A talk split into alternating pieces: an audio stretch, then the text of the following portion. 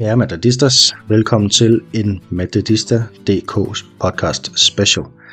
På grund af landskampspausen har Real Madrid ikke spillet nogen kampe i denne uge, og derfor vil vi i dag besvare en masse spørgsmål fra jer, lytterne. Vi har modtaget en lang række fremragende spørgsmål, og vi kan desværre ikke nå dem alle sammen. Øh, vi har udvalgt en chat, som vi mener er særlig interessante, og kan skabe noget debat her i studiet. Jeg har frasorteret spørgsmål, der angår El Clasico, simpelthen fordi, at øh, vi har snart vi har snart den kamp, og jeg tænker, at vi tager en lille øh, optakt til den kamp, når vi når der til. Øhm, så er der også nogle spørgsmål, som jeg mener måske skal have en separat podcast, eller i hvert fald er sådan lidt for store til det her format. Øh, men debat, det skal vi nok få, fordi at med mig i dag, der har jeg to mennesker, der ser fodbold på to forskellige måder. Øhm, så det glæder jeg mig rigtig meget til. Vi skal blandt andet tale om Real Madrids generationsskifte, vi skal tale om fremtiden, vi skal tale om trænerposten og taktik, og så kommer der måske mere til, når, øh, når de to her i studiet de får talt sig varme. Malte Geil Bosen og Daniel Andersen er de to mennesker, jeg har med mig i dag. Og er I to klar til at tale rigtig meget i dag? Ja, det bliver sjovt. Der er meget, der er meget at vinde. Ja, jeg glæder mig. Nå, men jeg ikke også have lov til at svare, eller hvad, Niklas? Det, det synes jeg, at jeg skal have lov til. Nu er det lang tid siden, jeg har været med på podcasten i det hele taget, så... Og nu i panelet sammen med Malte, det bliver fuldstændig fantastisk at, at skal have en dialog med ham og, og svare på nogle spørgsmål for dig i det hele taget, Niklas. Så spændende, spændende, det bliver det. Og er vi jo enige? Det, det ved jeg sgu ikke. Øh, måske ser vi fodbold øh, på, på lidt forskellige måder. Jeg er måske lidt mere pragmatisk end, end Malte han er, men øh, dagens emne, det kan jo være, at vi er enige om dem. Lad os se. Lad os se, Malte, han er jo øh, den unge progressive fodboldseer, og Daniel, han er den sure gamle mand. Vi må se, om det, om det er noget, man kan... Han er bare pragmatisk, ikke? Det... Jo, jo, ja. lad, os, lad os kalde det øhm, og jeg tænker egentlig bare, at vi dykker ud i det, fordi at øh, vi har en masse at vinde, simpelthen, og vi starter med at kigge lidt på denne her sæson. Og vi har to lyttere, der hedder Christoffer Hansen og Jeppe Henkel, og de har måske begge to et godt øje til Ibrahim Dias, fordi de har begge to spillet, stillet spørgsmål om ham i hvert fald. Og Jeppe spørger, burde man give Brahim flere chancer på kanten, nu hvor Rico har set sløj ud det sidste lange stykke tid? Og Christoffer han er inde på noget af det samme med, synes I ikke, at Brahim får for lidt spilletid? Jeg synes, han gør det godt, hver gang han kommer ind. Øh, Daniel, tager os igennem. Jamen for det første, det, det er fuldstændig usandsynligt, at han får mere spilletid på kanten, fordi det er slet ikke det, øh, hvad kan man sige, det taktiske oplæg, Carlo Ancelotti han har til Real Madrid lige nu. Det er jo den her, hvad kan vi kalde den, 4-4-2, øh, smal diamant. Øh, når vi så forsvarer, så er han for nu, at øh, Bellingham han skal skydes måske lidt længere til venstre, og, og vi så spiller en 4-4-2. Øh, Bellingham han dækker jo hele banen. Nu er det ikke Bellingham, vi skulle, skulle snakke om lige nu, men Brahim Diaz, Brahim Diaz' spilletid, den, øh, den bliver mangelfuld i den her sæson i Real Madrid. Nok en gang. Øhm, det er svært for ham. Han er en fantastisk spiller at se på, når han kommer ind sidst i kampen. Det tror jeg, vi alle sammen vi har nyt nu, når han kommer ind med den her intensitet og det her gå på mod. Øhm, jeg har så også bare en formodning om, at ham her Arda Güler, vi ikke har, har set endnu øh, i Real Madrids trikot, han er, det er en spiller, som, som Carlo Ancelotti han også er glad for at, at, at ja, gemmer noget spilletid til i alt det her, så jeg tror også, det er lidt et udtryk for, at Brahim han ikke er tættere på, på første år, han er, og så også den her taktik. Malte, øh, hvis vi lige glemmer øh, sådan det her med kanten et stykke tid, altså Rodrigo har vi jo alle sammen været sådan lidt efter i år. Øh, Brahim er kommet ind og, og, og har gjort nogle gode indhop. Tror du, at øh, hvis, hvis han nu kom ind og fik en startplads, tror du så, at han ville kunne levere sådan den samme intensitet, som han gør lige nu, eller tror du, at han har været god, fordi han er kommet ind på de tidspunkter, han er kommet ind på? Ej, jeg tror, han, er, han har været øh, god, fordi han er kommet ind på de tidspunkter, han er kommet ind på. Jeg synes, han fik jo kampen fra start imod Las Palmas, og der viser han jo også noget... Altså, han, han, han deltager fint i spillet, men han har jo også nogle sekvenser, hvor, han, hvor man godt kan se, han er, altså, hvor at han, han bliver lidt fabrilsk og dummer sig lidt og brænder nogle store friløber, og nogle af dem var så vist nok offside alligevel. Øhm, så jeg tror, at, altså jeg, jeg tror, han er sådan en rigtig godt frisk pust at sætte ind øh, til slut i kampen, øh, når, når forsvarsspillerne måske er lidt trætte. Øh, men når det er sagt, så synes jeg også, at han, øh, han viser, at han har værdi til rent faktisk at, at spille fra start. Øh, men jeg tror ikke, han har det samme øh, topniveau som øh, Rodrigo. Altså, øh, vi skal lige have Rodrigo tilbage i form. Det er også derfor, den her diskussion med Brian Diaz, den er så relevant lige nu, fordi at, øh, at, at Rodrigo han er nede i en bølgedal, men øh, altså Rodrigo han lavede øh, næsten 20 mål og, og også et tocifret antal af sidste sidste sæson, og det er trods alt noget helt andet, end Brian Diaz nogensinde har, har opnået. Så, så jeg tror, han kommer til at være en god joker, og så synes jeg også, han får nogenlunde den spilletid, han, altså man kan forvente lige nu, fordi jeg har også været øh, altså meget glad for at se Brian Diaz, øh, men han er jo i den situation, at at en ting er, at han, øh, altså hvilken sådan plads i hierarkiet, og der burde være en nogenlunde kort øh, vej til, til spilletid i offensiven, så er der også bare det her med, at han kommer altid ind øh, som den sidste sådan, udskiftningsgruppe. Altså en ting er, at man har 4-5 udskiftninger, en anden ting er jo, at man ikke kan skifte flere end tre gange, øh, så vidt jeg forstår. Øh, så der, hvis man skifter allerede efter 70 minutter imod Atletico Madrid for tredje gang, jamen så er det faktisk lidt et sats, fordi der kan gå en spiller i stykker 5 minutter senere, så spiller du med 10 mand resten af kampen, og det er lidt øh, Brahim Dias lod øh, lige nu, fordi at øh, Rosello også er foran ham, og så er der også et hav midtbanespiller, der også skal ind hele tiden, og Ancelotti han kan også godt lide at skifte Mandi ind af en eller anden øh, uforklarlig årsag, når vi skal jagte noget. Øh, så, så han lider også lidt under, at, øh, ja, at, altså, at han bare ganske enkelt er så langt tilbage i, i køen til spilletid. Ikke? Så er måske øh, også en af de spillere, som er sådan lidt fanget mellem to stole i år. Øhm, fordi de to pladser, han måske har spillet mest i sin karriere, det er som højre kant, og så er det som tier. Og en højre kant har vi jo ikke for alvor i øjeblikket.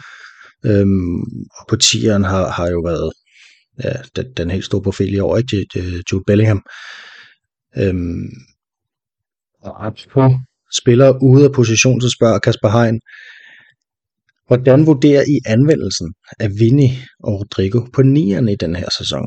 De øh, er jo vant til at spille bredt, de to, specielt Vinicius øh, og har måttet spille noget mere centralt i år. Vinicius er måske en lille smule vanskelig at, at vurdere indtil videre, fordi at han har været så meget skadet, men, øh, men hvad, hvad, hvad er det, du har set indtil videre, Daniel?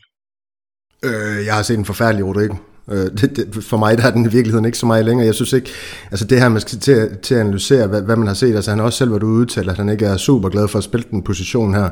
Rodrigo, han har gjort mere gavn som, som ving, om det så skulle være højre kant eller venstre kant, var jo fuldstændig usandsynligt. Men på, på den her nier, og i det her system lige nu, der har han set... Øh,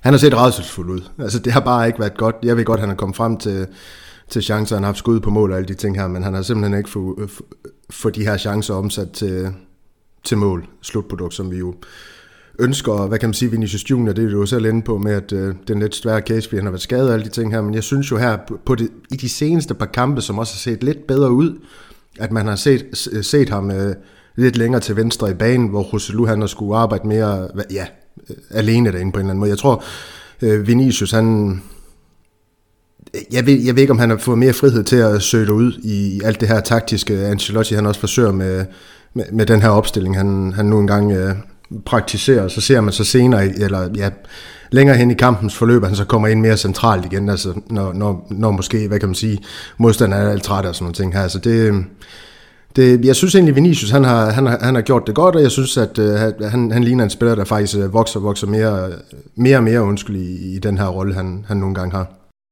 Ja, og spørgsmålet er, om Vinicius han har fået mere frihed, eller om Vinicius han simpelthen bare øhm, tænker lidt bedre, end, end Rodrigo gør. Så Rodrigo har jo altid øh, fået at vide fra fans, tror jeg, at han har været den mere intelligente spiller. Øhm, men måske og skulle man tage den op til overvejelse, så man ser tingene lige nu, i hvert fald når, når han er så langt fra niveau, som han er. Og det mener Chris Fischer nemlig også, øhm, fordi han spørger, hvad skal der til for at få Rodrigo op på topniveau? Og hvor lang snor skal man have? Skal han lejes ud, være indskifter, eller er det bare tålmodighed, der kræves herfra, Malte?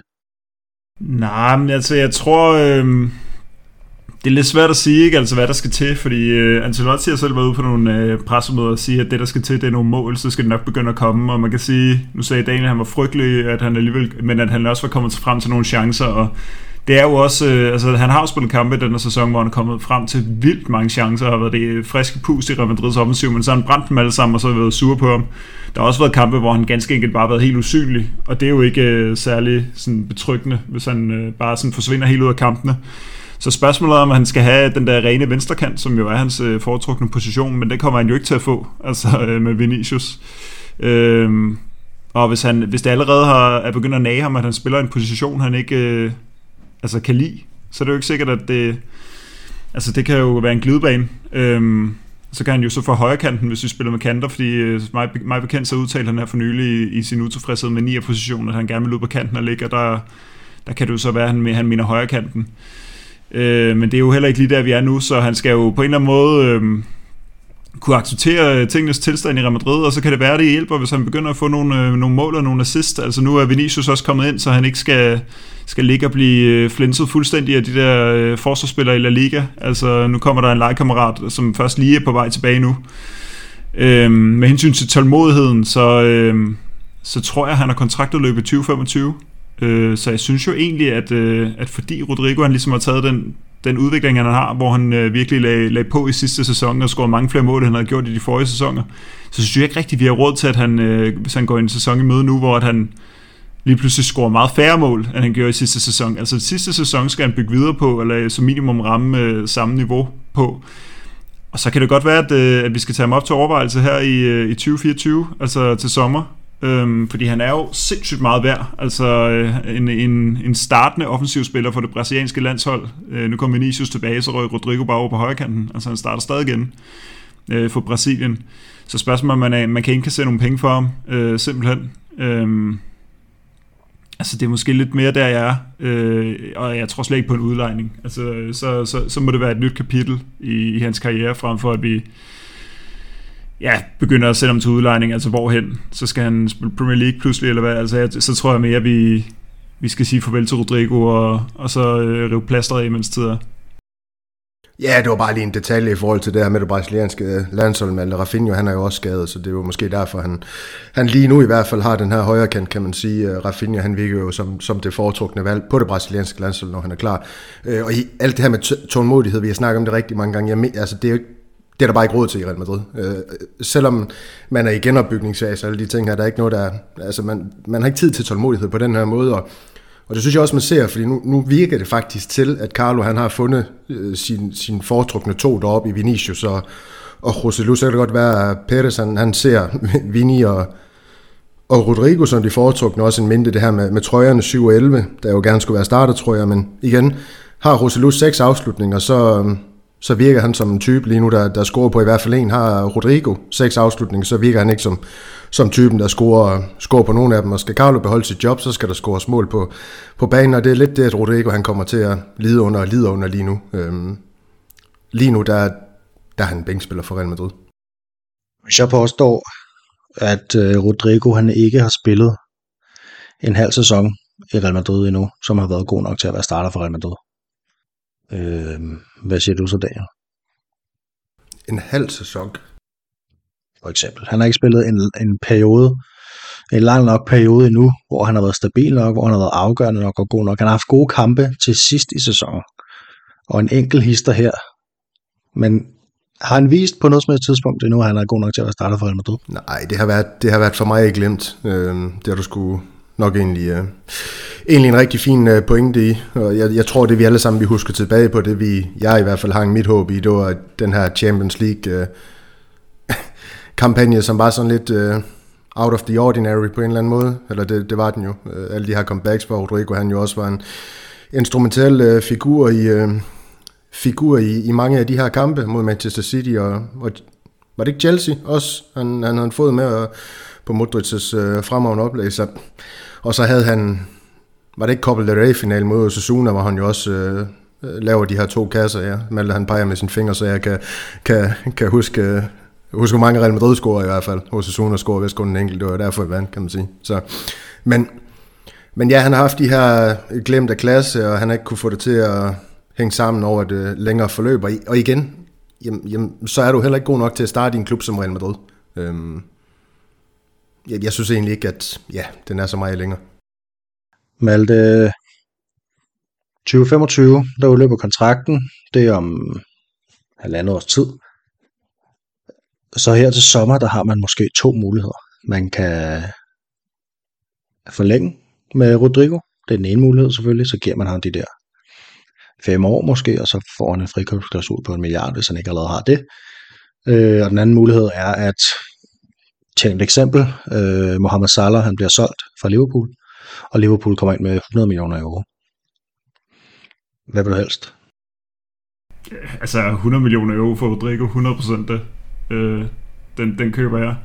Øh, jeg vil så sige, jeg er, slet ikke, øh, jeg, er, jeg er slet ikke der, hvor jeg ikke længere tror på Rodrigo. Altså, øh, i min optik, så handler det stadig om, at han lige skal komme ind i målformen igen. Altså, det, vi er stadig meget tidlig sæson, ikke? der er spillet 11 kampe. Øh, jeg, jeg, tror, jeg tror stadig på ham, det vil jeg sige. Jeg synes, han har noget magisk over sig. Øh, du sagde, har han haft en halv sæson, hvor han har været god nok til Real Madrid? Det har han nok ikke. Har han haft nogle kampe, hvor han har været ekstraordinært god, også i store kampe, mod, øh, som for eksempel i Clasico i sidste sæson, der vandt 4-0, der synes jeg, han var dåseåbneren. Det har han, det, det, den slags kamp har han også haft.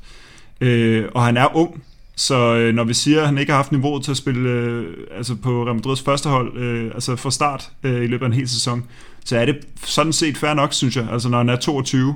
Men øh, min, min, min anke er bare, at han skal ikke, øh, han bliver vel 23 i starten af 2024, tror jeg. Og så skal vi ikke øh, gå en sommer i møde, hvor han har haft en sæson, der set over, øh, ja, he, set som helhed, øh, har været langt dårligere, end den han var igennem, igennem i sidste sæson. Og hvis det er der, vi er, jamen så, så 100 millioner for ham. Det, øh, med et år tilbage i kontrakten, det er jo, altså, det er jo et drømmescenarie. Jeg tror jo, hvis jeg må komme med et indspark, Niklas, at øh, en Rodrigo, han vil være langt bedre under en uh, Jürgen Klopp end en Carlo Ancelotti. Uh, hvis vi lige skal tage alt det her med koncepttræner og pragmatiker ind i, ind i snakken. Jeg tror, at uh, en type som Rodrigo, han, han kunne have mere brug for et, uh, ja, faktisk et, uh, et fast koncept end, end, end den her friheden, han har for den position, han nogle gange har i Real Madrid under Carlo. Det kan man bare se. Det blev alligevel en kold dag i helvede. øhm, vi lader lige Rodrigo være for et øjeblik, og så øh, skal vi nok komme tilbage til det her med trænerne. Vi runder lige, øh, eller vi går videre her. Chris Fischer, mener jeg da igen. Han øh, mener, at Valverde, at Valverde har mistet noget af hans mod, skorstræk vildskab, der gjorde, at man blev forelsket i ham. Og så spørger han, om vi ser det på samme måde, og hvis vi gør, hvad er så løsningen? Malte, vil du øh, lægge ud her? Øhm, jeg ser det ikke øh, på samme måde. Jeg vil sige, jeg mistede noget for Valverde i sidste sæson med den der Bainja-sag der. Den synes jeg var, var grim. Øh, og om den så løb ud sandet, og om Bainja han løg øh, til retssagen, eller hvad, eller hvad det var, øh, det kan jeg ikke helt huske. Øh, så tror jeg ikke, der var nogen, der er i tvivl om, at det var sket. Øh, og det virker vildt mystisk. Øh, og Valverde han havde jo en lidt mærkelig øh, første halvdel af 2023 med, ja, med, med, med problemerne med, med graviditeten der til hans kone, og, så den her Bainja-sag jeg vil så sige, den her sæson, altså, det, nu, nu efterspørger, var det Chris han hed, vores spørger her, øh, efterspørger noget vildskab og noget mod, altså, det kan godt være, jeg kan ikke lige huske, at han har haft de der sekvenser, som han havde haft tidligere, hvor han, øh, hvad, hvad, var det der, hvor Benzema udligner i en sen kamp på Mestalla imod Valencia, øh, efter Courtois at alle har været op og hætte et, øh, et, et hovedstød på, på målmanden, som Benzema selvfølgelig op på, hvor Valverde bare kaster sig til jorden inde i feltet, og bare hamrer øh, armene i jorden som sådan en, en besat besat af en dæmon eller sådan noget, går fuldstændig amok midt ind i øh, Valencias felt i det 95. minut, mens der ligger øh, 9-10 Valencia-spillere rundt om ham, og alle Real Madrid-spillere noget juble ved sidelinjen, og så ligger Valverde bare derinde. Altså de der sindssyge vilde øh, situationer. Men, øh, og det kan godt være, at, vi, at, at de ikke er der øh, for tiden, eller sådan et, øh, et rødt kort, som man trak på Morata, men jeg synes jo bare, at han er klasse, altså top, top klasse lige nu her i den her sæson. Jeg sad sådan og tænkte på, altså hvem er egentlig nummer et i køen til spilletid på Real Madrids midtbane? Altså det er ikke Kroos eller Modric, det er ikke Ceballos, det er heller ikke øh, Kammervinker, der bliver smidt ned på, på venstrebakken. Øh, det er nok Jude Bellingham, men han er også lidt en anden øh, situation nu, ikke, hvor han ligger som offensiv midt. Og jeg mener jo sådan set heller ikke, at man kan sige, det at Chouamini, når han blev bænket i, i en udbanekamp øh, imod øh, Atletico Madrid, og i øvrigt øh, mangler vi lige at se, at han for alvor satser på den position der. Altså det er vel Valverde, der er nummer et. Øh, han, er jo, han er jo hele holdets hjerte. Han, han løber jo solen sort. Så kan det godt være, at han... Øh, Han var lidt sløv at se på i, i optrækket til Atleticos øh, første mål, der tidligt i kampen, hvor han ikke lige kommer ud og presser. Men det er jo ikke, fordi han er træt. Det er jo øh, altså noget, der manglede lige noget koncentration eller noget, noget iver eller noget taktisk... Øh, ja, hvad hedder sådan noget, øh, overblik over, at, at Samolino lige kunne finde på at slå det indlæg der, men ellers generelt set i hele kampene, så, så løber han solen sort, og han, han fulgte op med, med to assist her imod Osasuna. Han er god på bolden, synes jeg. Når Valverde han er rigtig god, så er han også god på bolden. Når, det begynder, når, når han kommer lidt i ubalance, så er det som om noget af det første, der rører hos ham, det er øh, spillet i det små rum. Men det synes jeg, han har lige nu. Øhm, så kan det godt være, at han heller ikke scorer så mange mål, som der også var i sidste sæson, hvor det, øh, Ancelotti var var ude og, og lavede som om, at han har taget en, en, en, et trænerkursus. Øh, han nævnte i hvert fald, at han, øh, han ville rive øh, sit, øh, sit diplom over, hvis ikke Valverde kom op på, på 10 scoringer. Det gjorde han så, øh, Valverde. Øh, det tror jeg ikke nødvendigvis, han gør i den her sæson, fordi han har rollet lidt tilbage på banen. Men jeg synes bare, at han har en kæmpe, kæmpe værdi for det her Real Madrid-hold. Så, så sådan niveaumæssigt, så er jeg vild med Valverde stadigvæk. Øh, men han er, også, han er også lidt svært at blive klog på, altså det her med Bainja, og, altså, fordi han er jo altid, han virker jo altid sympatisk på banen, og at han så bare skulle have tabt småkærne fuldstændig i en eller anden parkeringskælder under stadion, eller, eller hvordan det var. Det er sådan lidt mystisk, synes jeg, så... Men, øh, ja, men niveauet er der i hvert fald, synes jeg. Ja, her må vi jo bare tænke på, at han er uruguayaner, og han, han er i følelsernes vold. Øh, den kan, kan vel være det. Øh, ikke sagt, at det på nogen måde var acceptabelt, det han, han gjorde mod banen her, men... Øhm, men ja, jeg føler se en, jeg, jeg ser en spiller på banen, at, at når der sker ting uden for banen, også der påvirker ham, så, så tager han det med ind på banen. Det er nok det, jeg holder frem til. Øhm, jeg er jo det enig med dig, Malte. Det var egentlig bare øh, et indspark. Altså, jeg synes, han har været mesterlig i den her sæson. Og jeg tror, han er i gang med den bedste sæson i Real Madrid øh, hidtil. Øh, den gode Valverde. Ja, enig. Jeg synes også, jeg synes nok, at han er vores næstbedste spiller den her sæson indtil videre. Øhm, og den seneste kamp her mod Osasuna var han absurd god. Hvem er nummer et, så er det Cabral. Ja.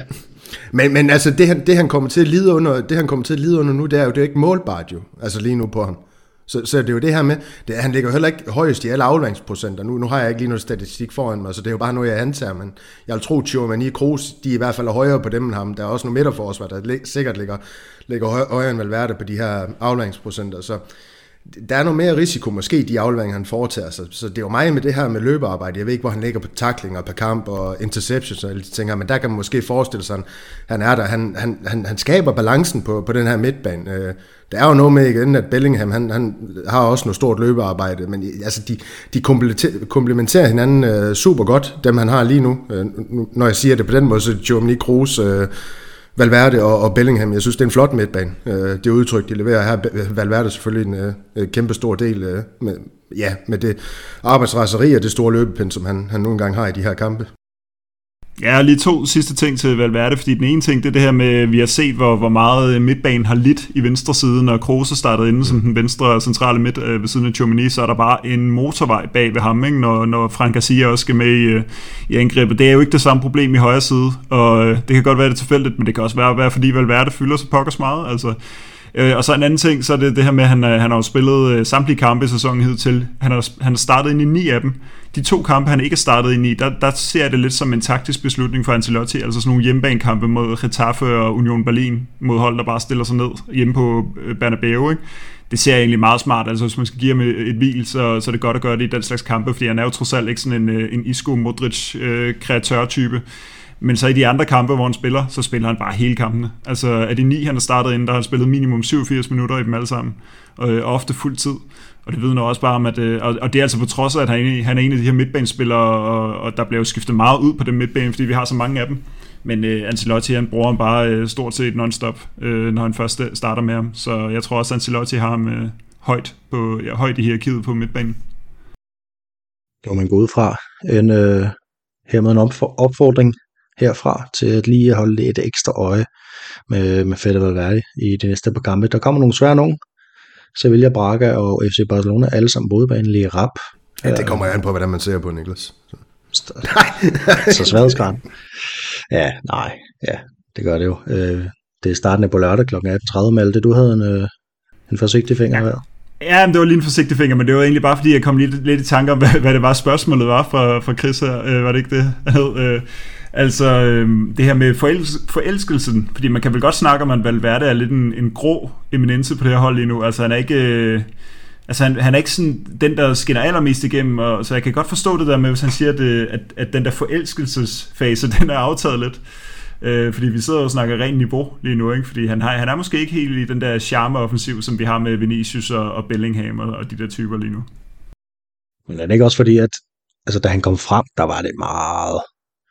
Og det var sgu et godt hold, ikke? Altså, og nu har man bare alle de der typer. Bellingham, Vinicius, som vi nævner, Kamavinga, øh, alle de her typer her, som, som man tager til sig, og som er dynamiske, og alt det, som, som Fede Valverde også er. Ja, måske, tænker jeg. Øhm, Christoffer Ej, vi, Hansen, vi, han... nej, prøv lige, øh, altså, vi elsker dem alle. Det skal vi være enige om. Altså, jeg bliver glad i Ja. lov, når jeg ser Valverde træde på banen. Jeg bliver glad i lov, når jeg ser Kroos øh, træde på banen. Øhm, altså, de er fantastiske, de spiller her. Dynamikken, udstråling. Altså, det er bare ren klasse. Og jo, jeg er stadig forelsket i Valverde. en kærlighedserklæring for åben skærm fra Daniel Andersen til Chris Fischer. Icon. Nå, Ja, ja. og til Chris. og til Chris, ja.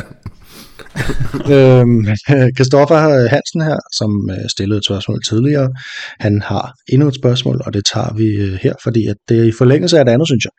Er det et luksusproblem med de mange gode midtbanespillere? Jeg kan blive bange for, at det hæmmer Vinkers udvikling, at han bliver smidt ned på bakken.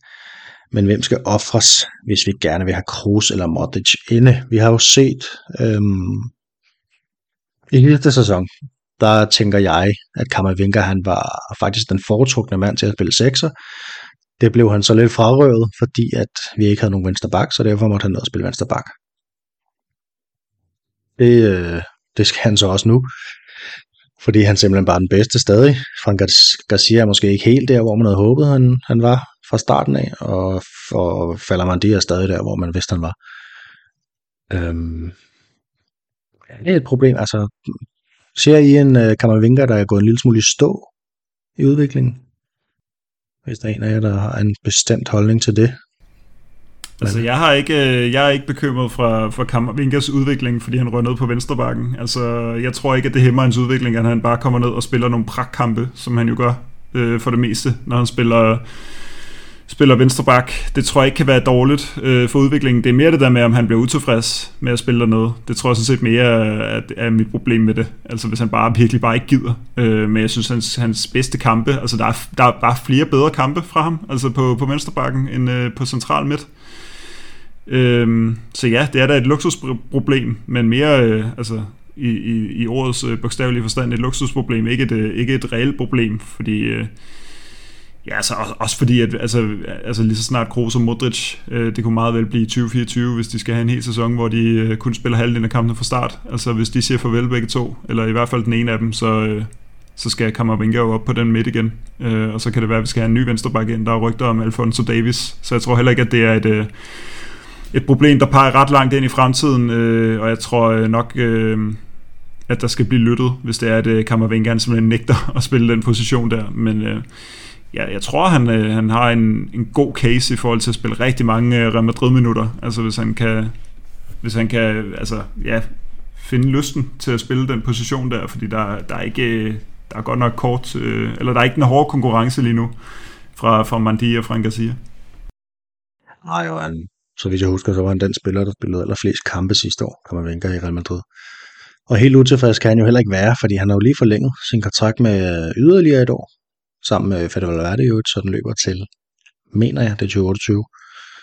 Øhm, så hvad er det nok heller ikke, end at, end at han måske foretrækker at spille central midtbane, men det kan ikke lade sig gøre lige nu. Claus Pedersen bringer et spørgsmål, som øh, man måske kan svare på i forlængelse af spørgsmålet om Kammervinga og Kroos og Modric. Hvordan vurderer I forløbet af generationsskiftet i truppen? Hvor længe kan man forvente, at resterne af den gamle garde, for eksempel Modric, Carvajal, Nacho, Lucas Vazquez holder? Og så mener han, at Kroos holder evigt. Jeg, jeg, har, altså, jeg har det generelt svært med sådan en øh, sådan spørgsmål, øh, tanke i det hele taget. Altså generationsskifte. Fra hvornår? Altså hvis vi tager det for, er det fra 2018, hvor Ronaldo han skrev for klubben. Siden den gang, fra den kamp, der, der er der fem spillere tilbage i Real Madrids nuværende trup.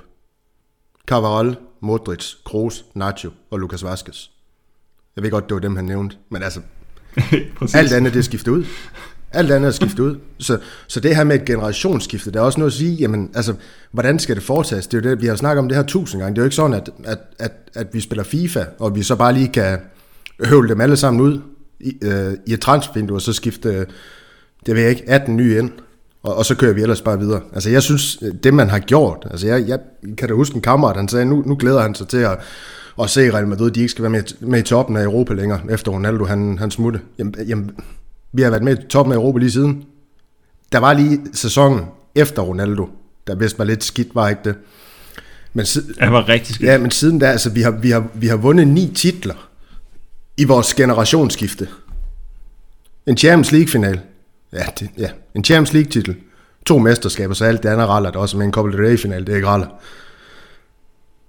Altså det synes jeg, der er, det, det, det er fuldstændig, fuldstændig glimrende. Så, så igen, altså generationsskifte, jeg, jo, vi kan, jeg, jeg synes, vi, vi har været i gang med generationsskifte, og, og jeg ved ikke, jeg synes Vinicius, ja, nu har vi lige snakket lidt negativt om Rodrigo, men han er jo en af dem, altså du har Bellingham, du har Valverde, du har Gamavinga, du har Chomini, Militao, Alaba er kommet ind, jeg ved godt, han er en ældre spiller, men Rüdiger er kommet ind, Fran Garcia, Mandi, Courtois på kassen, Navas er der ikke, altså det, det hele, det, det, det skriger bare nyt for mig, så for mig, der er vi videre, der er vi, hvis ikke i en ny ære allerede nu, hvis vi kalder tierne for Ronaldo-æren, så, så er vi altså, hvis ikke i en ny ære allerede nu, så i hvert fald meget, meget snart på vej ind i den.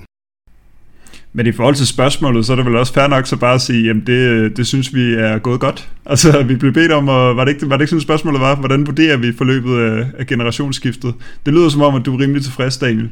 Og jeg vil sådan set også sige, at øh, altså jeg synes, hvis jeg skal prøve at forholde mig lidt til de sådan nedslagspunkter, man kan lave i det her generationsskifte, så synes jeg, der er blevet taget nogle gode valg. Øh, nogle af de valg, der ikke er helt nemme.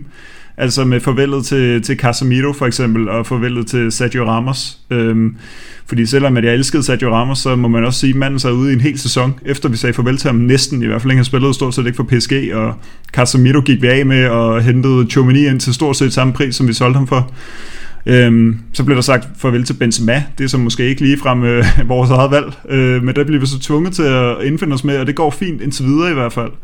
Der er også nogle af dem, øh, i, for at snakke videre om det her generationsskifte, hvor jeg synes, at, øh, at Real Madrid simpelthen var for, for, for, for vage og svage, og det ved jeg også, Jesper har nævnt nogle gange, men det her med, at, at altså, hvorfor kommer vi ikke af med de spillere, der er tydeligvis ikke er nogen fremtid længere? Altså, hvorfor kan vi ikke komme af med Gareth Bale og Isco, for eksempel? Øh, det, det, var, altså det, det nyttede ikke noget, at de begge to skulle have lov til at spille øh, 3-4 år øh, på kontrakt i Real Madrid i hvert fald. Bale havde selvfølgelig en, øh, en, en afstikker til, til Tottenham, men altså, de havde så mange sæsoner, hvor de var komplet ligegyldige. Altså, det synes jeg var ærgerligt. Øh, og så spørger spørgeren her jo så også, øh, altså hvor lang tid holder øh, resterne af den gamle garde. Og der, der må jeg så sige, at der, der tror jeg efterhånden, vi er ved at være der, hvor det, at vi på de sidste par sæsoner, altså Nacho, Kroos og Modric, det kunne godt være deres, øh, deres sidste sæson. Øh, Cavaral kan muligvis få lov at fortsætte til kontraktudløb i 2025, hvis han bliver ved med at spille, som han gør lige nu. Øh, og så nævner han så godt nok også Lucas Vaskes, som, øh, om, om han holder, og man kan jo så sige, at han har ikke holdt i de sidste øh, 6-7 år. han er der bare, øh, men, øh, men han, er, han er også væk øh, til sommer, tror jeg, fordi han også har kontraktudløb der. Så jeg tror, øh, Altså hvis vi skal lave sådan en, øh, en, en slutning på det her generationsskifte, så, så tror jeg, at den er lige om hjørnet. Det tror jeg. Det mangler vel bare... Altså, man skal måske også lige huske, at man bliver nødt til at prioritere, når pengene ikke er uendelige. Øhm, så har man måske sagt, okay, Carvajal, han kan godt, øh, han kan vi godt hive ind i managen et år til. Og så er det jo indtil videre, det er jo gået bedre, end det er gået i de foregående, i hvert fald to år, ikke? Øh, markant, markant bedre må man sige allerede. Så det kan være, at ja, det kan jo være, at, øh, at vi ser frem mod en rigtig god sæson for ham. Så desværre bliver han jo altid hæmmet og skadet, så vi må se, hvor det ender henne. Øhm, jeg tænker, at vi lige, øh, nu har vi talt en halv times tid, så jeg tænker, at vi bevæger os videre til et emne, der hedder trænerposten. Og øhm, der er øh, alle spørgsmål omkring, ja, fordi det, ja, vi kan kalde det en offentlig hemmelighed. Det er måske mere offentligt, end det egentlig er en hemmelighed med, med Ancelotti og Brasilien. Øhm, at han efter al sandsynlighed skal, øh, skal en tur derover efter når sæsonen er slut. Øhm, og de kraftigste rygter, de siger Xabi Alonso. Og så er der også nogle rygter, der selvfølgelig siger Raul, som er en anholdstræner her. Og vi har, øh, vi har en, en fyr, der kalder sig AM på Twitter, som øh, spørger ind til, om vi mener, det skal være Xabi Alonso eller Zidane til sommer. Zidane har vi jo alle sammen set rigtig meget til. Øhm, og så har vi en øh, Juan Coelho, der mener, at øh, Xabi Alonso er favorit til at blive ny Real Madrid-træner. Øhm, og hans spørgsmål er sådan set, hvad ser I, som Xabi Alonso kan tilføre til holdet? Øhm, og hvilket udtryk kommer han med? Og kommer han til at give de unge flere chancer end Carlo? Og det kan selvfølgelig være lidt svært at sige. Vi kan måske starte med den, der hedder Zidane. Daniel, Zinedine Zidane. Hvad siger du til en retur til sommer for, øh, for den legendariske franskmand? Dejlig pragmatisk træner, ikke? Ja, jeg, Og jeg, enormt pragmatisk. jeg, jeg, jeg elsker jo uh, Zidane. Det er jo ikke nogen hemmelighed. Ligesom jeg også elsker Carlo Ancelotti, men... Uh, Zidane, det mener jeg ikke, det er et projekt, man starter op til sommer, hvis det ender med, at uh, Carlo Ancelotti han tager imod det her brasilianske landstræner job. Øhm, lige nu der ser jeg faktisk mere Zidane som en skikkelse i Real Madrid, der kommer ind og bliver den her slags øh, brændslukker, brandslukker, overgangsfigur til noget nyt. Øhm, og det vil han også gøre, hvis der kommer en ny træner ind til sommer, der så fucker det hele op og, og bliver fyret efter tre måneder, så er det Zidane, man ansætter. Det, det er sådan, det kommer til, til at gå med ham. Det, det, det er ikke en figur, man, man går med til sommer, hvis man skal bygge noget op med alle de her, her unge spillere. Øhm, det, øhm, det, ja, det føler jeg mig faktisk ganske overbevist om, bare for at svare hurtigt på det spørgsmål. Zidane, Real Madrid's Tom Køhlert. Kan vi måske døbe ham til dem, der... Øh, Ja, eller Valencias Rodo, var det ikke, øh, er det ikke også? Ja. Øh, ja. jo, jo, det, det, det kan vi også kalde ham. Øhm, Malte, Alonso, Raul. Det er begrænset, hvad man... Ja, jeg, for mit vedkommende i hvert fald, hvad man kan drage konklusioner fra Raul, når han er træner på et andet hold. Øh, Xabi Alonso gør det godt i Bayer Leverkusen, kommer med en noget anden profil end både Zidane og Carlo Ancelotti. Hvad er dit håb for næste sæson? Ej, jeg vil sige, øh, hvis vi kan lande Xabi Alonso, det synes jeg vil være rigtig spændende. Og det er sådan set ikke, fordi jeg ved ret meget om, hvad lige præcis han står for. Øh, jeg har set en eller to øh, Leverkusen-kampe. Øh, de spiller jo en anden formation, end vi gør lige nu, øh, med sådan en trebakkæde og nogle wingbacks. Men man må sige, det der med, at de ligger nummer 1 i Bundesligaen lige nu, med, med så mange mål scoret og så få indkasseret, altså det er jo bare sindssygt spændende. Og, og vigtigst af alt egentlig for mig, øh, det er bare det her med, at det virker som om, at, øh, at Xabi Alonso har nogle klare idéer for, hvad han gerne vil. Altså, øh, de rygter, der går, det er jo, at han, øh, han virkelig har investeret i træningen og har alle mulige øh, ja, forskellige sådan, øvelser, han kører. Altså nogle, nogle klare visioner for, hvad det er, han gerne vil, og det minder jo en lille smule om... Øh, altså tør man sige det, men en lille smule om sådan noget Pep Guardiola, øh, men i hvert fald så lad os bare kalde det en, en koncepttræner, der ved, hvad han vil, øh, i stedet for at man bare øh, stiller med de bedste spillere, og så krydser fingre og spiser nogle tyggegummier. Øh, det, det, det kan, der kan jeg meget godt lide ideen om, at der kommer en spiller ind med så klare, eller en, en træner ind med så klare planer. Øh, så, så det, altså det vil jeg... Øh, helt klart være, være indstillet på, altså positivt indstillet overfor, hvis vi fik øh, Xabi Alonso ind. Om det så lige er fordi, han kommer til at bruge de unge spillere, der må jeg sige, øh, hvem er der på Castilla lige nu, vi skal bruge af unge spillere? Okay, Nico Pass måske, men ellers øh, sagde vi jo farvel til dem alle sammen, altså i den her sommer. Øhm, og hvis øh, succeskriteriet er, at han skal være bedre til at bruge de unge spillere end øh, Carlo Ancelotti, så tror jeg stort set ikke, at vi kan hyre nogle træner, der ikke vil kunne klare lige præcis den opgave. Fordi øh, Carlo Ancelotti er den el-gamle skole, øh, når det kommer til at øh, vise loyalitet over for førsteholdsspillerne.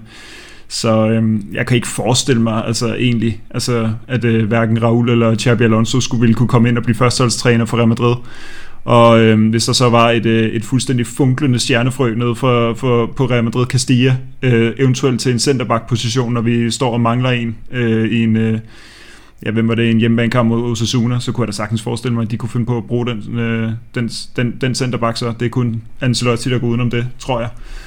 Øh, Ja, så alt i alt, altså Xabi Alonso, jeg ved så ikke om, øh, altså er han favorit til at komme til Real Madrid? Altså mig bekendt, så er der, der ret mange, der er interesseret i at, at hente ham. Jeg tror ikke bare, det er Real Madrid. Øh, jeg tror, det kan være lidt den samme øh, ting, som at skulle hente en, en spiller, som mange klubber er interesseret i. Men hvis vi er det, så, så synes jeg da, at det, det lyder spændende. Ifølge Bild har han jo en klausul i sin kontrakt, som øh, vil tillade ham at komme rimelig let til en af sine gamle klubber. Og, hmm, Liverpool har det jo Jürgen Klopp, som jeg ikke tænker er færdig der. Lige med det første, øhm, og så er det bare München, der er konkurrenten. Hvor tingene det også, de måske også er lidt hektiske, så, så, så kommer det lidt an på, hvad han selv vil. Øhm, og Ancelotti, han har jo sagt det her tidligere med, at han synes ikke, at man skal have for mange instruktioner, når man spiller, øh, altså når man har bolden. og det er for mig, ja, der lyder det jo lidt specielt. Øhm, og Daniel, du nævnte Rodrigo tidligere, jeg måske godt kunne bruge en træner, som var lidt mere klar i spyttet. Kunne han ikke øh, godt få en opblomstring under sådan en type som, øh, som Xabi Alonso, der går ind og giver klokkeklare instruktioner og fortæller dig, hvilke mønster du skal løbe i, og hvor du skal stå, når bolden er her?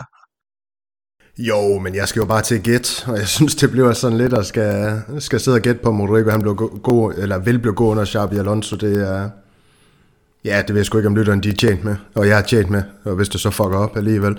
Det man så kan sige med Carlo Ancelotti, det er jo, og jeg ved godt, der er alt det her med ham, og det tror jeg også, jeg har, har anerkendt, men, men jeg synes jo så også, der er noget at sige det her med, at han, han Bellingham han får den her position og i Real Madrid, og Bellingham han, han går goal galore øh, i sin nye position. Han har fået Vinicius op på et helt, en helt anden hylde, end han var i forvejen, og det er jo under den her, her frihed. Jeg siger ikke, at Vinicius ikke vil kunne fungere i et koncept, øh, men, men der er også noget, der skal roses, det skal vi huske på, i den her frihed, han, han giver i hvert fald de, de offensive spillere. Øh, det, det vil jeg sige, men... Øh, Ja, yeah, det, altså, det, det, jo, det kunne godt være, at Rodrigo han ville kunne, øh, kunne blomstre, blomstre under en Xabi Alonso. Er der ikke noget med deres angriber? Han gør det, gør det, gør det ret godt under ham. Øh, hvad han hedder?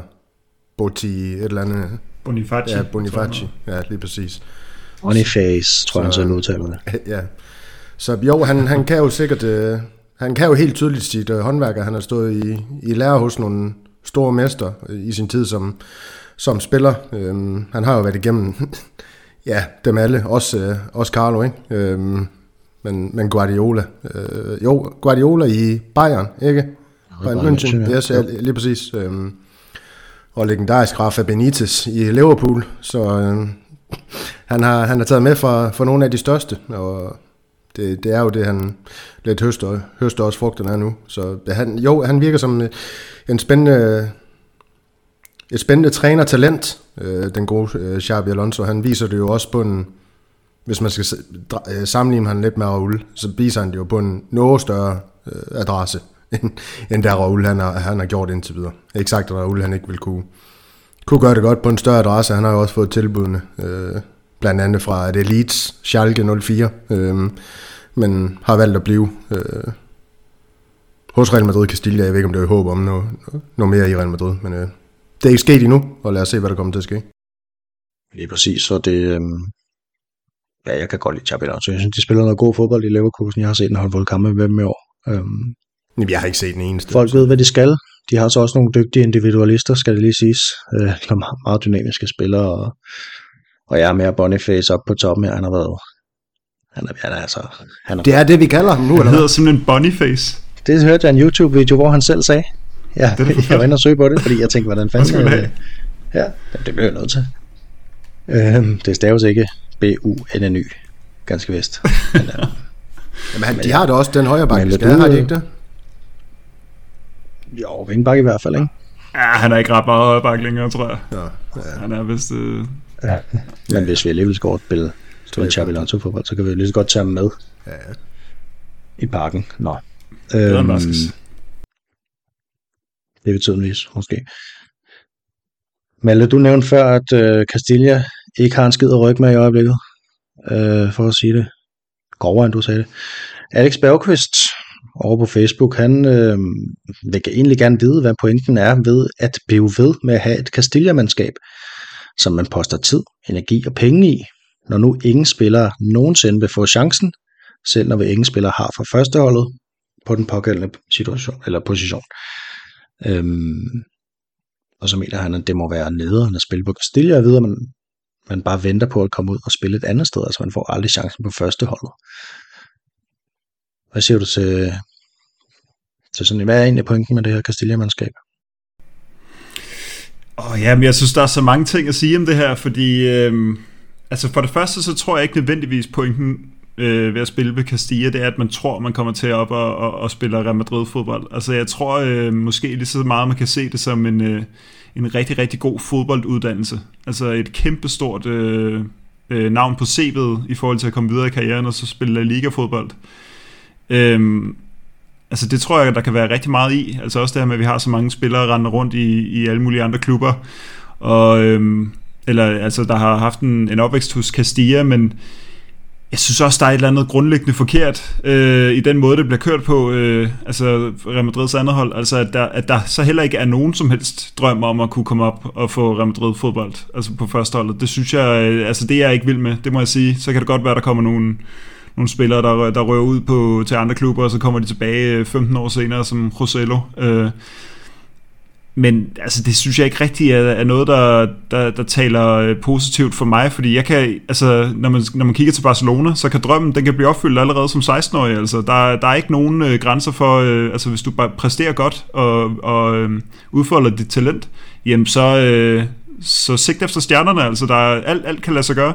Og hvis du er i Real Madrid, og du er den bedste øh, akademispiller, måske siden øh, Jesus Rodriguez og Morata, og måske endda bedre end dem, jamen så kan du få lov til at komme, øh, blive solgt til, til Girona i en alder af 21, efter at Rodrigo og Vinicius de for længst har præsteret, altså allerede som 18-årig, eller i hvert fald fået masser af spilletid som 18-årig.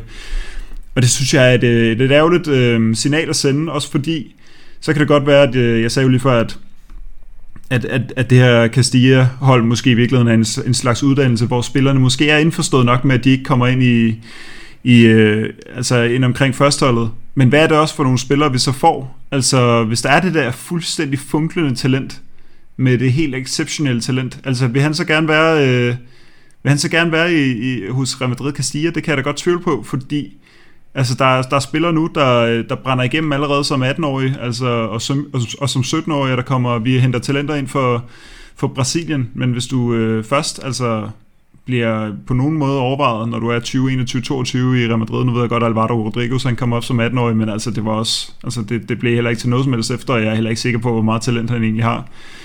Så, øhm, så er jeg ikke sikker på, at vi, at vi sådan har den rigtige, øh, altså tiltrækningskraft for at spille for, for Real Madrids andet hold. Øhm, og så vil jeg også sige, altså nu tror jeg også, at spørgeren her siger det her med at pumpe energi, kræfter og penge og alt muligt i Real Madrid Castilla. Altså man har ikke købt den eneste spiller i denne sæson. Øh, man, så, man solgte ud af alt, alt, alle lederne har man solgt. Anføreren uh, Dotor, øh, øh, øh holdt stjerne i form af Arebas, man har også øh, sagt farvel til centerbakken øh, Rafa Marin, og så har man bare erstattet det med spillere, der kommer ned fra akademiet, og man har stort set kun Nico Pass nu.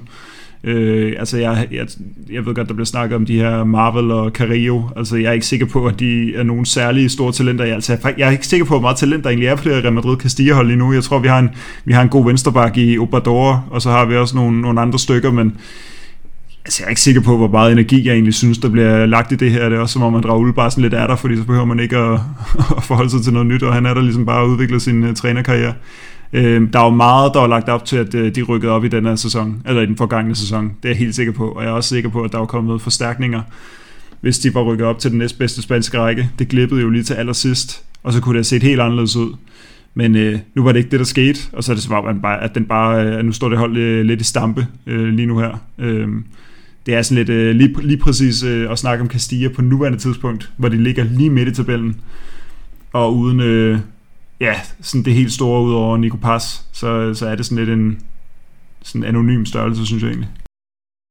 Så vi ser egentlig bare på, på Castilla, altså forkert simpelthen. Det, vi, skal, vi skal ikke se det som et hold, der skal udvikle spillere til Real Madrid's første hold, nødvendigvis. Øhm, altså, så bliver man jo skuffet, som, ikke? Altså... Jo, frustreret. det kommer ikke. Har, har man været Real Madrid-fan længe nok, så bliver man jo ikke skuffet længere. Lad os nu sige det som det er. Skulle man forklare det til en, en ny fan, din søn, Niklas, nu ved jeg godt, det er måske lidt åndssvagt at forklare en, hvad, to, tre år i det? Ja, tre år, det, det, ja, det, det er måske lige optimistisk nok, men... Ja.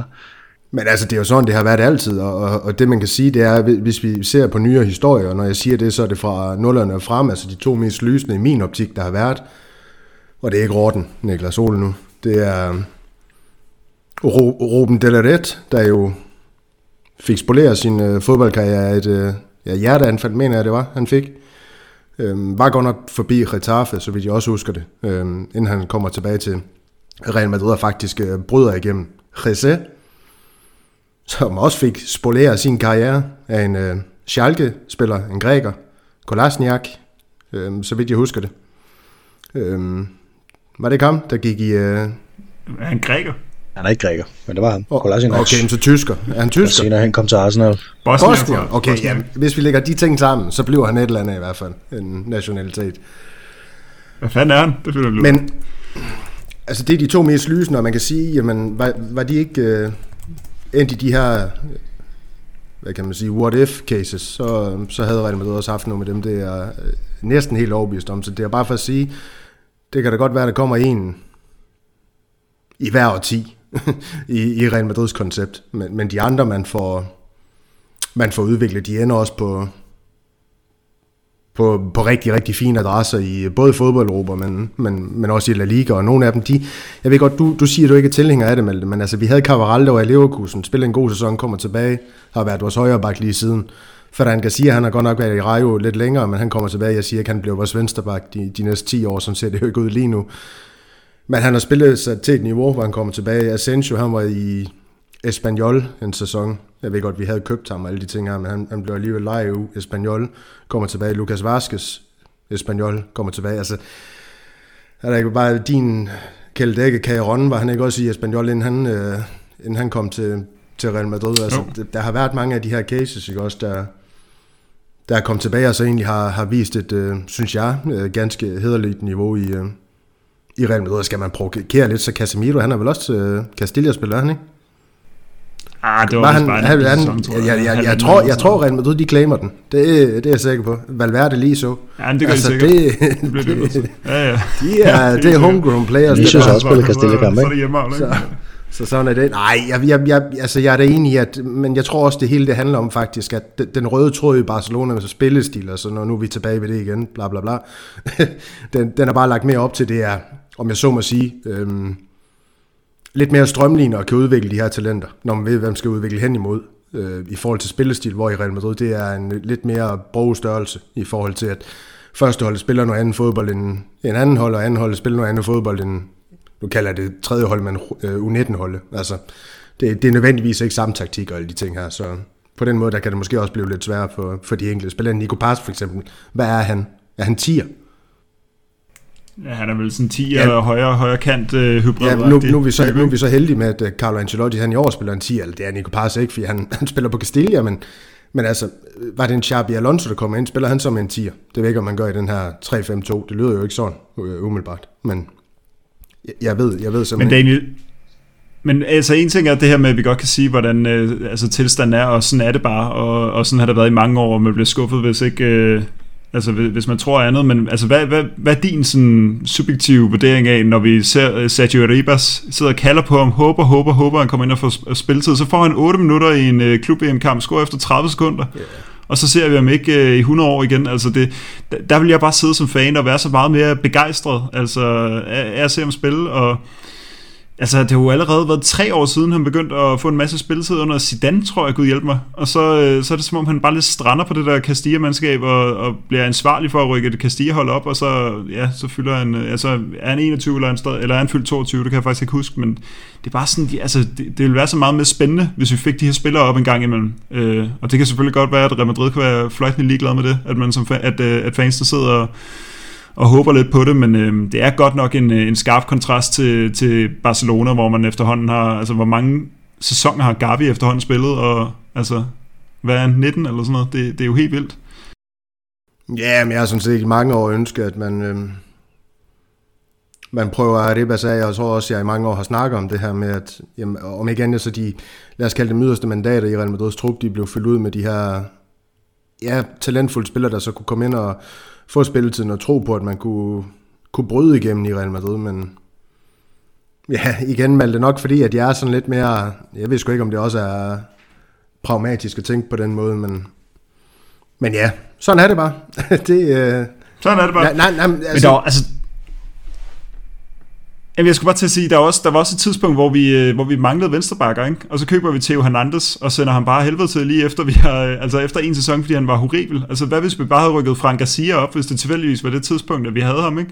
Hvad med, da Marcelo gik på pension, og vi alle sammen så hæppet på Miguel Gutierrez? Altså, hvorfor kan de ikke engang komme op og få en, øh, en sæson som reserve? Så havde vi Reguilon, som faktisk spillede en fin nok sæson, som jeg husker, det havde brav af en Clasico, og så sender vi ham bare afsted igen. Og det kan også godt være, at det sidenhen viser, at det var en fin beslutning.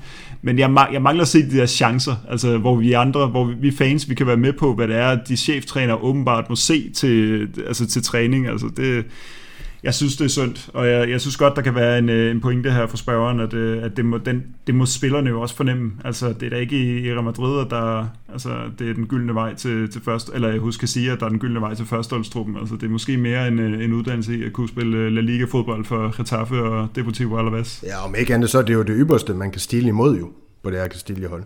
Altså at komme til ja. og få en plads i den her Real Madrid-tro. Det, det, det giver jo trods alt også noget... Øh, Ja, ambition vil jeg tro. Øh, noget håb på en eller anden måde for de her spillere, især Nico Paz, som jo er den mest løsende lige nu dernede. Øh, Operador, han, han er jo bare en i rækken med alle de her gode venstrebacks, med de åbenbart har fundet en opskrift på uddan. Om det er så tilfældigt, det ved jeg ikke, men der er kommet ret mange af dem. Og, og ja, jo, jeg kunne også godt tænke mig, at man gav dem chancen, men, men som du også siger, det er jo der hvor også, hvor man må give Real Madrid ret nogle gange. Altså, de har jo haft ret i mange af de her cases, de bare har sendt videre. Reguilon, hvad, hvad laver han nu? Han, han er i Galus, ikke? Atletico. Er han i Atletico? Lov øh, til Manchester United. Ja, han er i United. Er han i, ja. er i United? Ja. Nå, ja, det er rigtigt, han var lige på leje. Ja, Michael Gutierrez, han har jo fundet, han har jo fundet, han har jo fundet et godt sted for ham nu i, i Girona, der, der er gang i noget godt. Uh, ikke sagt, at de ender i, på de her Champions League-pladser, men han får en masse spilletid, og jeg ved heller ikke, hvad situationen er. Der har man ikke noget, nogle rettigheder stadig på ham, der gør, at man kan, man kan lave et eller andet, hvis man, nogle gange har, har lyst til det, og det viser sig, at Ferran Garcia skal videre til, til næste år, for eksempel. Det tror jeg. Det vil jeg, det vil jeg tro. Det vil ligne Real Madrid meget dårligt, hvis man ikke, øh, hvis man, øh, ja, hvis man ikke havde det.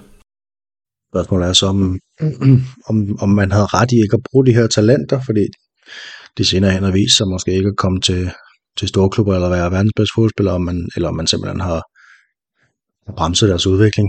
Øhm, så de på et tidspunkt havde niveau til at kunne blive noget, som de endte med ikke at blive. Altså, jeg synes, situationen med, med Kubo, den er super underlig. Det synes jeg, det er underligt. Nu ved jeg godt, det ikke er en Castilla-spiller, men det, det er stadig en ung spiller, man heller ikke vidste, hvad man sådan rigtig skulle med, man henter ham ind. Var det så bare sådan en haha-projekt over for Barcelona, fordi han også har været der i deres ungdomsakademi. Altså, jeg ved godt, det der med, med udlændingspladser, så noget fair nok, men, men øh, og, og det er svært det her med, med de, øh, nu, nu er jeg ikke så god til nationalitet åbenbart, men japanske spillere, fucker jeg så det helt op, hvis jeg siger, at han er det. Okay, godt Malte, det, det, det gjorde jeg ikke, super. Det godkendt. Øhm, og, og det her med, at det tager lang tid for dem at få, få spansk passer eller sådan nogle ting her, men, men altså, en så dygtig spiller, hvis han skulle optage det og kunne blive fast startet i Real det ville jeg ikke have noget problem med, om så det tog 10 år. Altså, så må man sådan ramme for, forstå og, og blive bedre til at, øhm, bygge op og, omkring det, øh, skulle jeg næsten til at sige. Øh, så alle de sydamerikanske spillere nu, de har jo spansk pas mere eller mindre. Har de ikke det? Har vi, det er Bellingham, den eneste, der ikke... Øh, der, det tror jeg. Han har et øh, irsk pas, eller irsk Nå, nationalitet, ja, ja, okay. så han er faktisk heller ikke jo, jo, men altså, under det. det. Det synes jeg, det er en, det, det, det er en, en Kubo for eksempel, det er en, det er en endnu dårligere case end nærmest alt det andet, vi har snakket om. Fordi han, han gør det så fuldstændig glimrende på en højre kant, som Real Madrid i øvrigt øh, mangler. det, det er absurd. Men der åbner du for endnu en, en endnu værre snak, Daniel, fordi det der talent, som Kubo så åbenbart har, og så sender man, man ham til Retaffe. Man sender ham til Retaffe. Altså, hvad, hvad skal han dog lave i Retaffe som højrekant, hvor alle, ham der Niom, eller hvad det var, han hed, deres kæmpestore øh, højre bak slash højre midt, ligger der, og så øh, Alignac kommer vist omkring samme tidspunkt. Og han kommer derhen lige efter, man har sendt ham til Villarreal, hvor han skal kæmpe med Chukwueze om, om spilletiden. Altså to fuldstændig hjernedøde øh, legemål lige i streg. Okay, Villarreal gav vel teknisk set mening, fordi han har haft et godt legemål hos Mallorca, men så dummer man sig bare fuldstændig. Altså, en, en, en lejesvend for Real Madrid Castilla kommer da ikke til at slå øh, Villarreals øh, øh, lysende stjerne på højkanten af, og så øh, kan han bare fise husleje i Getafe bagefter. Altså, det, så det er også bare, der er et eller andet med det der, det har vi snakket om mange gange, men også alle de der mærkelige legemål til Lunin, og jamen, vi, vi, kan jo, vi kan jo bare blive ved med at opbremse i virkeligheden. De Frutos og Renier ja. og Javi Sanchez, og den ene efter den anden, der blev sendt på det ene ligegyldige legemål efter den anden. Øh, altså det, det hører jo lidt med. Altså jeg ved ikke, om det er de samme, der, der styrker stiger, eller, eller, eller hvad det er, men det hører lidt med i sådan hele den der talentudviklingsdel, ikke, som bare er altså, tvivlsom. Altså der bliver taget nogle mystiske beslutninger. Det gør det nemlig, og øhm, for lige at vende tilbage til Nico Pass, som vi nævnte for jeg ved ikke, 25 minutter siden, eller sådan noget, dengang jeg, jeg har ikke haft mulighed for at tale siden. Men øh, han er jo et halvt år ældre end øh, Arda Køller er, som, som er nogenlunde samme type, så han har da ikke en jordisk chance for at slå igennem på Real Madrids første hold, det kan han godt glemme. Øh, Dreams are for suckers, og sådan er det. Nej, øhm, jeg tror, jeg øh, bringer os videre fra Castilla nu, over til øh, det, som jeg umiddelbart tænker bliver vores sidste emne. Og det er Thomas Kippe Jensen. Er det, em- er det emnet? egentlig gerne vil have en, Nej, ikke. Ja, og så er det bare fyrløst. Nej. Thomas han vil gerne øh, have en opsummering, eller måske en begrundelse, eller en... Øh, jeg vil gerne have os til at tale om i hvert fald, hvorfor Real Madrid brugte 65 millioner euro på en 16-årig Barassa. Ser det stadig ud som en god investering. Og øh, Thomas, må man gå ud fra, taler om Endrik, som øh, i øjeblikket spiller i Palmeiras og kommer til Real Madrid næste sommer. Øhm, det er jo sådan, at Real Madrid de øh, købte Endrik fra Palmeiras i Brasilien i, jeg mener, det var i december måned, øhm, at den blev offentliggjort, og her betalte man 35 millioner euro som grundbeløb, og så er der så 25 millioner euro, øh, eller op til 25 millioner euro øh, bonusser, som kan udløses både mens han spiller i Palmeiras, og mens han eller efter han så er kommet til Europa. Så har man så øh, formået at fordelt hans image-rettigheder 50-50, hvilket egentlig lyder meget godt, fordi jeg tænker sådan en ung brasilianer, der han skal nok få tjent nogle penge på, på brand deals og sådan nogle ting. Øhm, så det kan måske vise sig ikke at være så dumt for Real Madrid lige den del i hvert fald. Han kommer til Spanien til sommer, når han er fyldt 18 år. Øh, og det var præcis det, som man gjorde med Vinicius og Rodrigo, og i øvrigt også Reinier, så vidt jeg husker. Øhm, og øh, altså, det er jo begrænset, hvor meget man sætter sig for at se Palmeiras midt om natten på et stream for Bet365.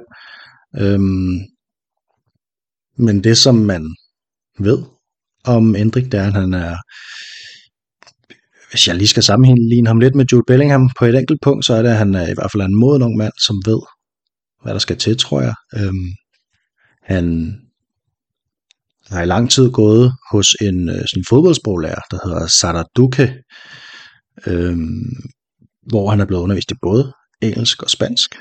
Spansk, det er selvfølgelig, fordi han skal til Real Madrid og spille, og der taler man jo spansk. Øhm, og engelsk øh, lærer han, fordi at han, som han selv siger, det er et globalt fodboldsprog. Øhm, det er jo både, ja, formentlig i forhold til sådan noget med, med, med reklamer, men det er også i forhold til at tale med sine modspillere og nye med, med øh, eller holdkammerater og, og dommer også, når man spiller Champions League. Øhm, og så ud over sproget, så er der også et fokus på de kulturelle forskelle, som der sikkert vil være, når man flytter fra Brasilien til Europa. Og så får han jo også den hjælp i, at han har jo i hvert fald to holdkammerater, som har prøvet præcis det samme, da de var 18 år, med Vinicius og Rodrigo, som begge to kom til med kæmpe store forventninger. Måske er der endnu større forventninger til Hendrik, øhm, fordi han var meget berømt allerede som 15-årig, og fordi at alle klubber i, øh, alle de store klubber i Europa i hvert fald, de var ude efter ham. Øhm, og for at det ikke skulle blive noget komplet idiotisk vås, vi sidder og fører af, så har vi øh, valgt at alliere os med, øhm, med Peter Arnholdt, som formentlig er den dansker, der følger brasiliansk fodbold aller tættest. Og vi har spurgt ham lidt ind til Endrik, og han skriver blandt andet, at det er pil opad for Endrik. Øhm, han øh, får mere og mere spilletid i ligaen nu. Han gik igennem en periode, hvor at, at han ikke fik specielt meget, og det blev til nogle meget sene indhop. Øhm, det skal dog også ses i lyset af, at, at Palmeiras de har haft fokus på Copa Libertadores i den her periode her.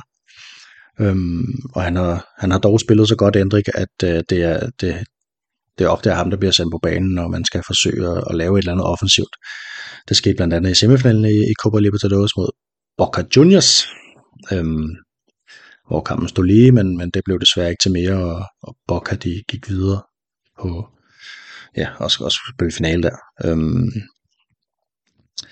og så nævner øh, Peter Arnhold, at ja, blandt andet han har den her solotur, som man kan, skal gå ind og se ind på YouTube, hvor han dribler nærmest fra midten og klapper den på overlæggeren med 100 km i timen. Det er jo en mand, som øh, fysisk er meget veludviklet, ser det ud til. Hans alder taget i betragtning. Han er blevet 17 år nu. Han er ja, det ved jeg ikke, bygget lidt som sådan Sergio Aguero eller sådan noget lignende. Øhm, en, en tæt bygget ung mand. Øhm, så har han også scoret nogle mål på det seneste, blandt andet et, hvor han afdribler målmanden i en friløber. Han nævner så også, at han ikke lige nu er en del af Parmeters stærkeste opstilling, men han er tæt på. Øhm, Malte, når du hører de her ting om øh, Indrik, og ud fra de ting, som du også ved i forvejen om ham, hvad tænker du så om den her investering, som indtil videre lyder på 35 millioner euro? Kan stige til 60 millioner euro. Jamen, jeg har ikke øh, så meget klogt at sige om det, tror jeg, så det er godt, vi har allieret os med nogen, der, der ved noget mere, fordi øh, jeg vil sige, jeg tager det meget roligt. Altså, øh, vi har snakket om lidt om det, Niklas, men det her med, altså, hvordan skal man vurdere en, en 17-årigs øh, udvikling? Han er jo lige fyldt 17 her øh, i sommer, så vidt jeg er orienteret. Og øh, altså, altså, skal han spille hver gang, og hvis han ikke gør det, så er han ikke en succes, når han kommer til Real Madrid om et år, øh, eller, eller hvordan er det? Altså Vinicius han eksploderede lige pludselig fuldstændig i øh, et enormt øh, mål- og assist øh, to sæsoner i streg, altså efter at han nærmest ikke kunne ramme målet for enden. Øh, altså jeg glæder mig til at få ændret igen i Real Madrid, og så øh, få nogle, øh, altså Real Madrid øh, har jo god erfaring, trods vi lige har snakket om, øh, om deres øh, tvivlsomme øh, håndtering af Castilla, så øh, har de trods alt god erfaring med at få de her unge spillere, som Valverde, Rodrigo Vinicius, bare lige inden for det seneste årrække til at, til at fungere rigtig godt og, og, og blomstre øh, op af Kammervinga, og jamen, der er mange. Øh, så jeg glæder mig til at få ham til Real Madrid, og så, og så se, hvad han kan. Altså, øh, og han kommer ind på en position, hvor det, det giver lidt bedre mening, end for eksempel at hente Rodrigo. Altså en ekstra venstrekant til den, vi lige har hentet fra, fra samme land.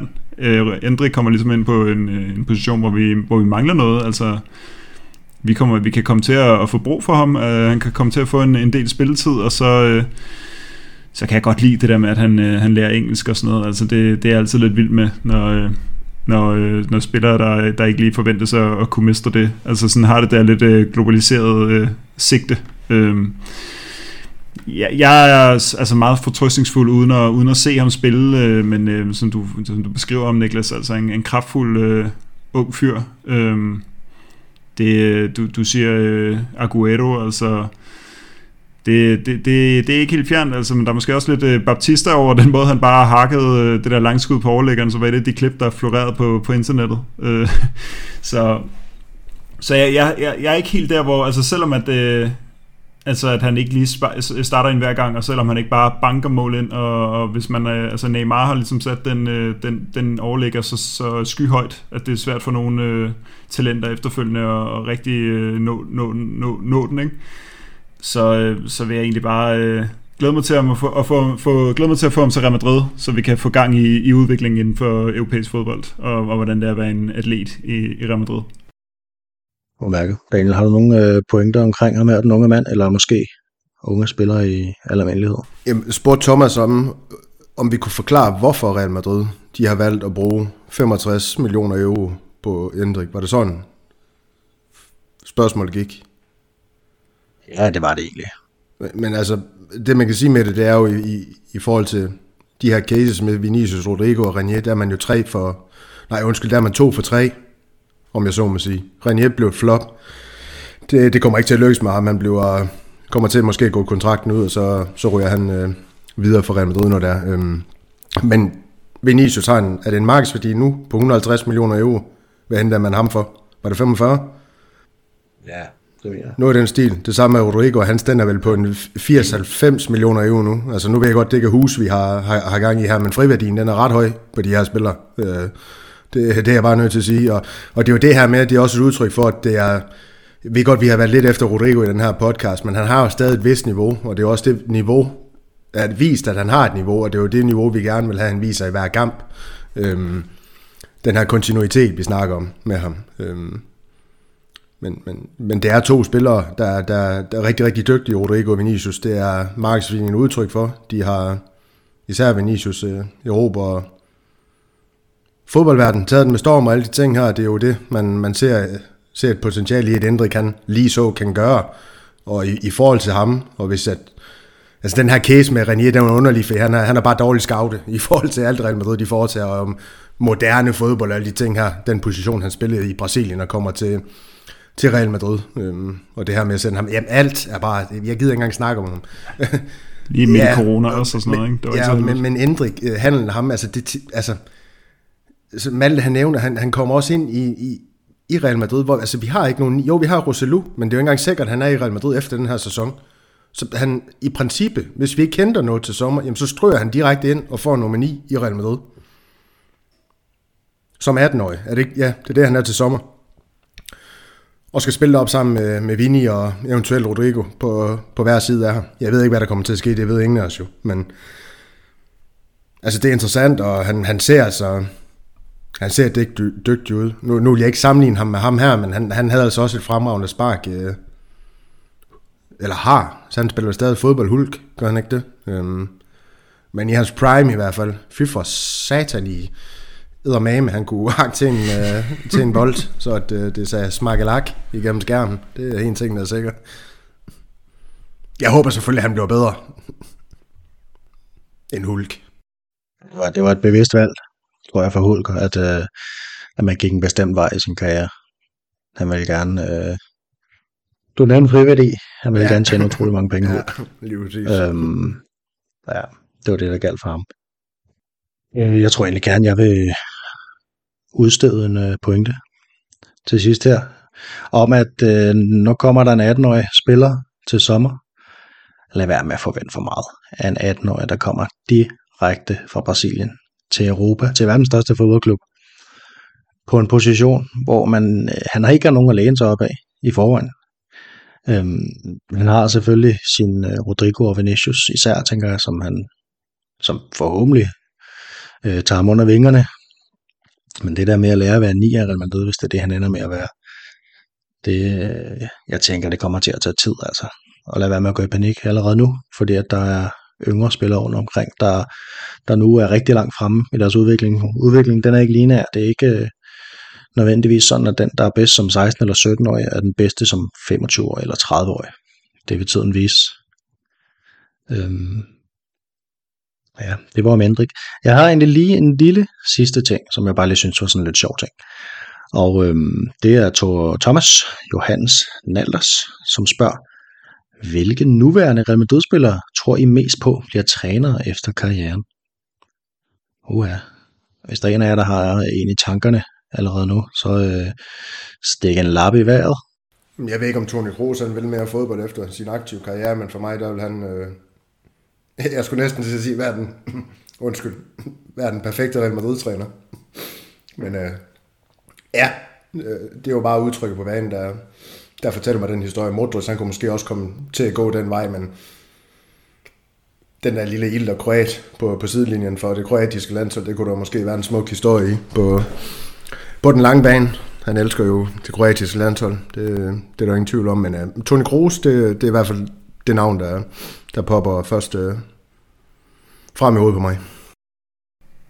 Ja, jeg kan godt følge dig der, fordi det er, det er jo, men jeg, jeg tror måske lidt, at de, de begge to godt kunne gå hen og blive sådan nogle øh, altså familietyper, der egentlig bare skal hygge sig med familien bagefter. Så jeg tænkte måske sådan noget David Alaba, der var lidt det der lederskab og ihærdighed og Øh, jeg er så ikke sikker på, at han vil nødvendigvis vil være nogen øh, særlig god øh, træner, øh, og han skal også passe på med at banke sine spillere for hårdt i brystet, når de scorer, øh, scorer mål, og sådan, som han jo har for vane at gøre med sine egne holdkammerater for tiden, men øh, han har måske temperamentet til det.